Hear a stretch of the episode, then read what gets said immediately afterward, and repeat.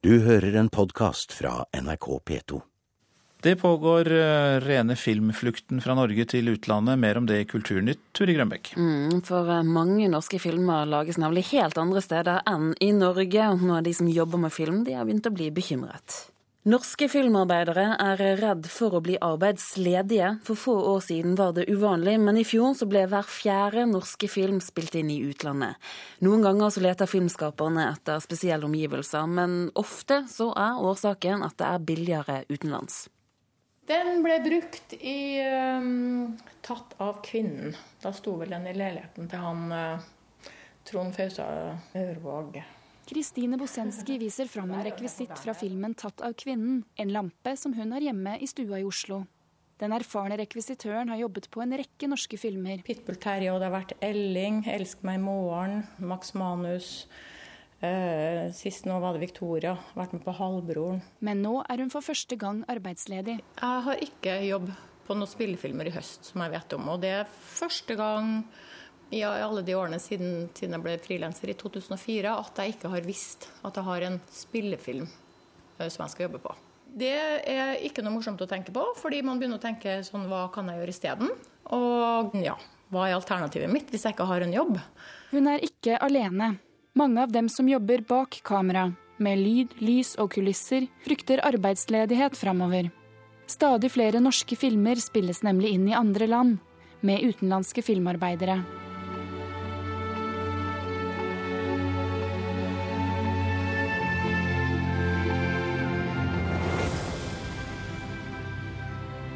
Kon-Tiki, 'Reisen til julestjernen', flere av Varg VM-filmene, 'Hodejegerne', 'Appelsinpikken' og den kommende filmen 'Gåten Ragnarok' er bare noen norske filmer som helt eller delvis er spilt inn i utlandet. Aldri har så mange norske spillefilmer flagget ut. I 2008 og 2009 var det ingen. I fjor var det hele sju. Det er nærmere hver fjerde norske film. Utviklingen bekymrer Kristine Bosenski. Hvis det er sånn at det ikke er noe i manus som tilsier at man bør dra til utlandet for å filme det, så kan ikke jeg forstå at, man, at, det være, at, det er greit å ta med seg norske kulturmidler ut av landet for å gjøre det et annet sted. Når det faktiske konsekvensene da er at norske filmarbeidere ikke har noe å gjøre. Det blir ikke noen filmarbeider igjen hvis ikke man har produksjon. Filmforbundet ser en trend som rammer norske filmarbeidere, sier Terje Linn Bjørsvik, prosjektansvarlig for spillefilm. Ja, det er en fare, og den er jo helt uh, akutt. fordi at uh, det er jo flere og flere som ser at de ikke får det til å, å henge sammen. fordi at de, de blir lovt en, uh, en, produksjon, og så sier de nei til andre produksjoner. Og, og, når det nærmer seg, så får de vite at den produksjonen skal flytte til Ungarn eller Tsjekkia, og at de derfor ikke har noe engasjement. Eh, da må de ha noe annet å gjøre, ellers så ender de på Nav. Og, og vi vil ikke ha norsk filmbransje på, eh, på, Nav. Han advarer mot at norske filmkroner forsvinner ut av landet. At ikke vår filmstøtte blir en uhjelp til, til et kriseramma Europa. Det bør stilles krav eh, når man får støtte til film, om at f.eks. så og så stor mengde av staben kanskje bør være norsk, da, for at man skal kunne kalle det norsk spillefilm. Sier Kristine Bosenski. Norsk Filminstitutt gir hvert år 300 millioner kroner til produksjon av norske filmer. Men NFI har ikke hjemmel fra Kulturdepartementet til å kreve filmopptak i Norge, eller bruk av norske medarbeidere. NFI har heller ikke foreslått et slikt krav overfor departementet. Kulturminister Anniken Huitfeldt vil ikke legge føringer for å holde filmproduksjonen innenlands. Vi må jo legge til rette for bedre filmmiljø i Norge, slik at eh, de som lager filmer, velger Norge. Men jeg kan ikke pålegge de som lager film, å si at dere må ta opp i Norge uansett hva slags film dere lager. Da blir det dårligere film. Styreleder Synnøve Hørsdal i Produsentforeningen mener det foreløpig ikke er noen grunn til å rope varsko for norsk filmbransje. Jeg tror det vil gå litt opp og ned, men det er jo delvis et resultat av en større internasjonalisering. Hvor vi henter mye mer penger utenfra og vil dermed fordele litt hvor vi gjør opptakene våre også. Har dere produsenter et ansvar for å spille inn film her i landet, når eh, en god del av filmene deres får mye statlig støtte? Vi har være ansvar for å spille inn her i landet, men vi har et ansvar for å fortelle historier som er for det norske folk. Reportere her var Ida Kvittingen og Mikael Olsen Lerøen. Konkursen etter musikkfestivalen Kollfest kan også true fremtiden til Døgnvill i Tromsø og Rotto Råde i Stavanger, det skriver Aftenposten. Arrangøren av Kollfest er Oslo AS slo seg selv konkurs etter et underskudd på over 27 millioner kroner. Dette selskapet var eid av Air Productions, og nå viser det seg at nesten 13 millioner kroner av underskuddet er såkalte konsern intern gjeld, som skriver seg fra andre festivaler. Advokat Egil Hatling jobber med gjeld, men kan foreløpig ikke si hvordan gjeld er fordelt, og han kan ikke garantere for at alle festivalene overlever. Norges største kommersielle kinokjede, SF Kino, kan bli lagt ut for salg. Ifølge den svenske avisen Dagens Industri så vurderer eieren, Bonnier, å selge SFs kinoselskaper både i Sverige og i Norge. Det spekuleres i at en mulig kjøper er den svenske investeringsselskapet Ratos, men eh, som kommer til å bli en av de største eierne i Norden dersom de kjøper opp SF. Ingen av partene har lyst til å kommentere saken overfor NRK. To billedkunstnere har startet en Facebook-aksjon for å gi Lambda ny giv. I løpet av to uker så har 800 personer gitt sin støtte til aksjonen for nytt Munch-museum i Bjørvika. Initiativtaker Mina Beck sier til Aftenposten at de med aksjonen ønsker å starte en ny debatt om bygget, og håper at flere skal få øynene opp for Lambdas kvaliteter. Prosjektet var i sin tid vedtatt realisert i Oslo bystyre, men i fjor høst snudde Fremskrittspartiet, og neste uke så kommer trolig utredningen av alternative plasseringer av Munch-museet. Totalt så var sju av de mest, låte, mest, spilte låtene på radio i fjor innen sjangrene rap, R&B og såkalt urban pop. Det viser en oversikt som nettstedet Ballade har laget, som er basert på fjorårets radiostatistikk. De, de siste fem årene så har disse sjangrene blitt spilt mer og mer på norsk radio. Marts Borch Bugge, da musikksjefen i NRK P3 og en av de som bestemmer hva som skal spilles på norsk radio. Hvorfor har vi fått denne utviklingen? Eh, det er et langt eh, svar, men jeg tror det er, altså det er mange grunner til det. Én eh, ting er at plateselskapene har, i takt med at salget har stupt de siste årene, fokusert på kjapp profitt. Og, og, for å tjene penger så er man nødt til å ha noen radiohits. Og da satser man på låter som låter og ikke album først og fremst. Man eh, har da satsa liksom på artister som kan lage en hit der og da, og ikke bygge opp et band, gjerne et rockeband, som man gjorde i gamle dager, over lang tid og satse på det. Det er én ting. Og så er det eh, produksjon har utviklet seg massivt. Vi har i Norge eh, store stjerner som Stargate, som dominerer popverdenen i dag. Og så er det, går dette her i konjunkturer alltid. altså i, i takt med en sånn resesjon som vi opplevde i 2008, så har folk behov for å danse, og da er det urban musikk musikk som er, eh, som er løsningen ofte. Men, men, kvaliteten, da? Hvordan den utviklet seg? Ja, kvaliteten har blitt veldig mye bedre. Ehm, jeg husker eh, norsk hiphop f.eks. var jo fullstendig død etter at eh, den låta 'Sommerflørt', som toppet VG-lista, falt ut av lista. Det var på en måte det siste, siste spikeren i kista. Og så var det helt stille i norsk hiphop i mange år. Og så måtte man bygge opp en ny selvtillit, og det gjorde man da med å artister som Carpe Diem og Erik og Chris og Lars Vaular som, som torde å lage popmusikk eh, med hiphop som grunnelement. Eh, og med da nye produsenter, folk som er vant til å produsere hjemme i, stua si, og teknologisk eh, utvikling, så, så, får man da bedre kvalitet på det. Så det er en sånn fornya selvtillit, og det har vist seg å vedvare da i ganske mange år. Har disse sjangrene blitt litt mer stuereine også? Ja, helt definitivt. Altså, tidligere var det sånn er du, er du hiphoper eller er du rocker? I dag er sjangere mindre viktig, kanskje med unntak av i, i metallkretser. Eh, så, så, så, det er helt klart at, at ur, ur, urban musikk og hiphop er fullstendig stuereint. Det er det som er dagens musikk. Du er musikksjef i P3, og tidligere så har dere fått kritikk for å spille lite av denne sjanger, disse sjangrene. Hvorfor har dere lagt, lagt om? Vi får jo alltid kritikk eh, for det vi eh, ikke gjør. Eh, så, Men er det snakk om en omlegging? Ja, så Jeg har vært veldig opptatt i min tid som musikksjef å, speile ung virkelighet. Og, og, dette her er en del av det unge mennesker i Norge og resten av verden er opptatt av og liker. Og da er det helt naturlig at en kanal som P3 speiler det. Men hvor, hvor stor eller hvor, hvor stor brei er denne sjangerdominansen? Eh, sjangerdominansen er jo veldig bred. altså Hvis man ser på, på, radio generelt i Norge, så er det da, hvis man legger godvilja til, så er tre av 30 låter, som da er de av de mest spilte, gitarbaserte. Og da har man virkelig lagt godvilja til. Eh, så det viser jo at dette her er en ekstremt eh, altså altomfattende tendens. Og, og, sånn sett kan man si at urbansjangeren, som jeg mener er et litt sånn døende begrep, eh, er, er fullstendig. Og så vil man helt sikkert få en motreaksjon, som man har fått i alle tiår siden vi fikk populærmusikk, med rufsete rock igjen. Og la oss bare håpe at det kommer noe, noe bra i løpet av tida. Men sånn som det er nå, er det liksom den rufsete rocken som har blitt skjøvet litt ut på sidelinjen? Forstår jeg riktig det? Ja, hvis man ser på i hele verden, så er det vel kanskje bare et band som The Killer, som er et, og som er unge rockeband, som, som eh, fortsatt er på en måte stadionband, da, yngre stadionband. Eh, og, og, det finnes ytterst få eh, store rockeband. Så er det klart man kan si at radiokanalene har et ansvar for å løfte fram rockeband.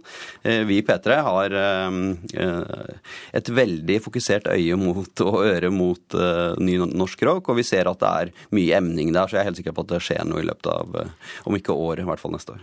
Mats Borch-Bugg, takk for at du var med oss her i Kulturnytt, altså musikksjef i eh, P3.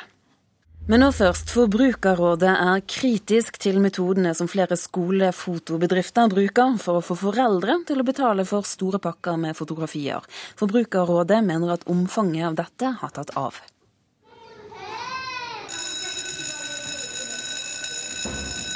Nytt skoleår, kanskje ny klasse og ny skole. Og nytt klassebilde. Før du vet ordet av det, har du postkassen full av klassebilder og portretter i alle størrelser av den håpefulle. Og plutselig er fristen for å returnere bildene ute. Og så sitter du der med enda en årgang bilder som havner i skuffedypet. Ja, når jeg hørte du skulle komme og snakke med meg om dette, så gikk jeg inn og, og, i en skuff, og der fant jeg eh, faktisk ganske mange bilder som jeg aldri egentlig har sett at jeg har hatt bruk for, men som ligger hos lenge. Vi er hjemme hos Edith Nøkling, mor til to tenåringer, men også regiondirektør i Forbrukerrådet, som stadig får henvendelser fra foreldre som er misfornøyd med metodene enkelte firma bruker i forbindelse med skolefotografering. Vi, både i Forbrukerrådet, men òg jeg som tenåringsmor, har òg fått en del sånne pakker i post posten. Det som jeg tenker kan være litt betenkelig, det er mm, hvis det lages rutiner som, sånn at det blir vanskelig å avbestille den store pakken og bare ta de bildene du vil ha. Da kan bære preg av litt sånn negativt salg. Noen av skolefotografene sender med elevene et brukernavn og passord til sine nettsider. Men benytter man seg av det og logger seg inn for å se bildene, binder man seg samtidig til å få dem sendt hjem i posten. Dette er betenkelig, mener regiondirektøren i Forbrukerrådet, og særlig dersom det er barna som logger seg inn. Ja, Det mener jeg at vi som foreldre ikke skal akseptere. Og vi skal være klar over at barn har ikke lov til å inngå mm, økonomiske avtaler. De har ikke lov å ta på seg sånne forpliktelser. Så ligger det riktignok en advarsel inne når ungene logger seg på eh, at de må være over 18 år. Jeg syns allikevel det er litt sånn betenkelig eh, hvis det skulle være sånn at eh, mine unger, jenter på 13 år f.eks., kan, kan logge seg på, og så vips må jeg betale 1000 kroner. Men den kritikken er ikke kommunikasjonsdirektør hos skolefotografen Fovea, Camilla Monberg, enig i. Det som er viktig, er at det er ingen foreldre som får bilder hjem i postkassen hvis de ikke har vært aktivt inne med brukernavn og passord som de har fått i brevs form i forkant av fotodagen og logget seg på hjemmesiden vår. I all vår informasjon så står det at du må være over 18 år for å gå inn med brukernavn og passord for å få bildene hjemsendt. Eigane skole i Stavanger tar nå hele den tradisjonelle ordningen med skolefotografering opp til vurdering. Inspektør Colin Pritchett Davies ønsker seg nye løsninger. Og Da ser vi at en ren nettløsning, hvor en da bestiller på nettet og får akkurat det en vil, at det er det beste. Reporteren, det var Øystein Otterdal. Med romanen 'Balanse' så avslutter Torvald Steen romantrilogien om den navnløse personen som har en helt spesiell skjebne. Vår kritiker Marte Norheim har lest og har hatt glede av romanen. Balanse er noe de færreste av oss tenker på, men for noen få er det avgjørende. Jeg tenker da på akrobater og på de som ikke kan gå. Den eh, navnløse helten i Torvald Stens roman 'Balanse' tilhører den sistnevnte kategorien. Vi møtte han først i 'Det lengste svevet', der han som 14-åring med skihopping som lidenskap får vite at en muskelsykdom gradvis vil gjøre han lam. I eh, vekten av snøkrystaller er han blitt voksen, han er historiker og finner kjærleiken mot alle odds, før vi møter han att for siste gang i balanse. Nå som enkemann i 60-årsalderen på en sjukeheim med nærmeste pårørende i Cape Town. Dattera har valgt å bosette seg der, og deler av boka er forma som et brev til henne. Historikeren som drog til Istanbul i bok nummer to, har i balanse fått radiusen kraftig innsnevra, etter at han ikke lenger kan balansere den lange kroppen sin uten hjelp. Nå er han fullstendig avhengig av et helsevesen som med varierende grad av visdom og omsorg tar seg av pasientene. Dette er alvor. Alvoret blir ikke mindre av at forfatteren òg har en muskelsykdom. Og selv om Steen er påpasselig med å leie avstand mellom seg og denne personen, så er dette likevel fiksjon, dels bygd på egne erfaringer. Arbeidet med å få kroppen til å fungere så godt som råd er svært overtydende skildra. Vår mann på dobbeltrommet er ellers ingen mønsterpasient. Han prøver stadig å gå, og enda forslått. Han er smålig og irritert på det gode mennesket i nabosenga. Han gneldrer over standarden på sykeheimen, dels med grunn. Men under alt dette ligger den store sorga over å være helt alene i verda, fanga i sin egen kropp, i ei seng på en sjukeheim. Sutring og stordom går opp i ei høgere eining når han hisser seg opp over en medpasient som har lyst til å ta livet av seg. Dels arter tiraden seg som en klagesong over at det er mer synd på han sjøl som ikke kan gå, enn på denne suicidale som kan sprade rundt på egne bein. Men inne i den samme episoden ligger det ei insistering på at livet har noe å gi i alle sine faser. En må ikke gi opp før det er slutt. Det ligger en djup humanisme i bunnen av balanse. Små episoder av typen burlesk moro på sjukeheimen verker her utenpåklistra og unødvendige. Den tørrvittige stilen til vår mann, som naturlig nok har god tid til å tenke og observere, er nok til å balansere det store alvoret. At Steen også i denne boka er stilsikker inn i den minste detaljen, reduserer behovet for ekstra moro ytterligere men trass i tendensene til morskap er dette ei trist og vakker bok. Og det mener vår litteraturkritiker Marta Norheim. Musikkbransjen har vært gjennom enorme endringer de siste tiårene, men det er forsket lite på strømming, det stupende platesalget og hvordan konsertmarkedet er. I stedet så preges disse debattene av sterke meninger heller enn kunnskap, og det ønsker et europeisk forskningsnettverk nå å gjøre noe med. Daniel Norgård, du er stipendiat ved Universitetet i Agder, og er en av forskerne som nå skal se nærmere på musikkbransjen. Hvorfor trengs det? Altså det, det, trengs vel som eh, i de fleste andre næringer, hvor, eh, hvor, det skjer store endringer. Så tenk at da er man nødt til å bringe inn den, eh, altså de verktøyene og virkemidlene som man har fra, fra forskning. Så dette burde nok ha blitt gjort for, for lenge siden, å integrere forskninga tettere i uh, utviklinga for, for, musikkbransjen. Men det, det, det er på, på, god tid at det kommer nå, da. Og, det, er, det er på tide at det kommer nå. For til nettstedet Ballade så sier du at bransjen befinner seg i et slags forskningsmessig vakuum. Hva mener du med det? Ja, Det, er vel egentlig min, min kollega Dennis Colopy som, som, sier akkurat det. Og han kommer jo fra en ganske lang karriere i musikkbransjen, og hvor han selv har erfart at man har tatt forskninga for lite på alvor. Min erfaring er vel at uh, det er nok helt sikkert riktig. Han har en mye større, altså en, en, lengre og bedre og tyngre karriere enn det jeg har hatt i musikkbransjen. Men jeg tror nok det vakuum også har vært i, i forskninga, at man kanskje ikke har tatt musikkbransjen ordentlig på alvor. Hvorfor har man ikke gjort det? Jeg vet ikke, Det kan hende at det har noe med sidene ved selve bransjen, at man ikke har blitt tatt ordentlig på alvor. At det har vært litt, i hvert fall utad, blitt oppfatta som, som litt hardere bein. Og det tror jeg kan henge sammen med eh, en del av imagebygginga rundt musikkbransjen. Altså at man, eh, man har hatt eh, en del eksterne si for noe, uttrykk da, som, som, gjør at man blir tatt litt mindre seriøst enn f.eks. hvis oljebransjen eller fiskerinæringa ønsker å, å, se nærmere på, på tall og på, på definisjoner. Men, men du, altså konsekvensen da av at det ikke blir, har blitt forsket mer på musikkbransjen, hva er det? Konsekvensen er vel at eh, For det første så tror jeg en av konsekvensene er at eh, musikkbransjen selv eh, navigerer litt dårligere enn det man kunne ha gjort hvis man hadde tatt inn et, et forskningsverktøy på det.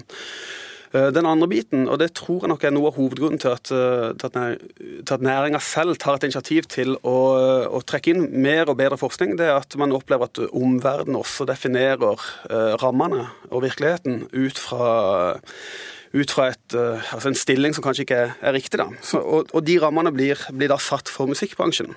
Hvordan det? Det tror jeg du må forklare nærmere. Et, et godt eksempel nå tror jeg altså trekker inn den uh, debatten rundt uh, musikkeksport. sånn at uh, Regjeringa har tatt et prisverdig og, og, godt initiativ på å, å, gå inn og se på hva musikkeksport Altså hva, hva, hva regjeringas satsing på, på musikkbransjens eksport hva den består i. Og umiddelbart så havner man i, i noen, noen, dilemmaer. og det, handler, det, ene handler om defineringa av, av, eksport. Det handler om hva man, skal, hva man skal se på, hva man skal analysere, hva man skal telle. Og ikke minst hvordan man skal få tilgang på de dataene for å få et, et ordentlig riktig bilde uh, av den dynamikken. Og det er klart, Den biten der, de, uh, den analysen, blir lagt til grunn da for hvordan regjeringa i neste rekke ønsker å, uh, å, satse videre på musikkeksport. Igjen, kjempebra at, at dette blir gjort, men det blir, må bli gjort ordentlig. Men nå må bli gjort skikkelig. Du, Innledningsvis har startet med å si at uh, altså, dette med musikkbransjen og platebransjen Mange snakker om problemene rundt at uh, platesalget stuper mens strømming tar mer og mer av. Kunne noen av disse problemene knyttet til bransjen vært løst dersom den forskningen du etterlyser, hadde vært på plass?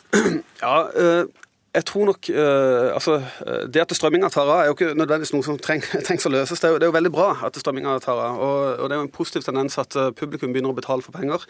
Eller betale for, for musikk og forbruk. Uh, og det, det, er fint. Og så er det en, en, hel del veldig vriene oppgaver som er nødt til å gjøres når det gjelder fordeling av de inntektene igjen, sånn at det kommer artister og sånn til gode.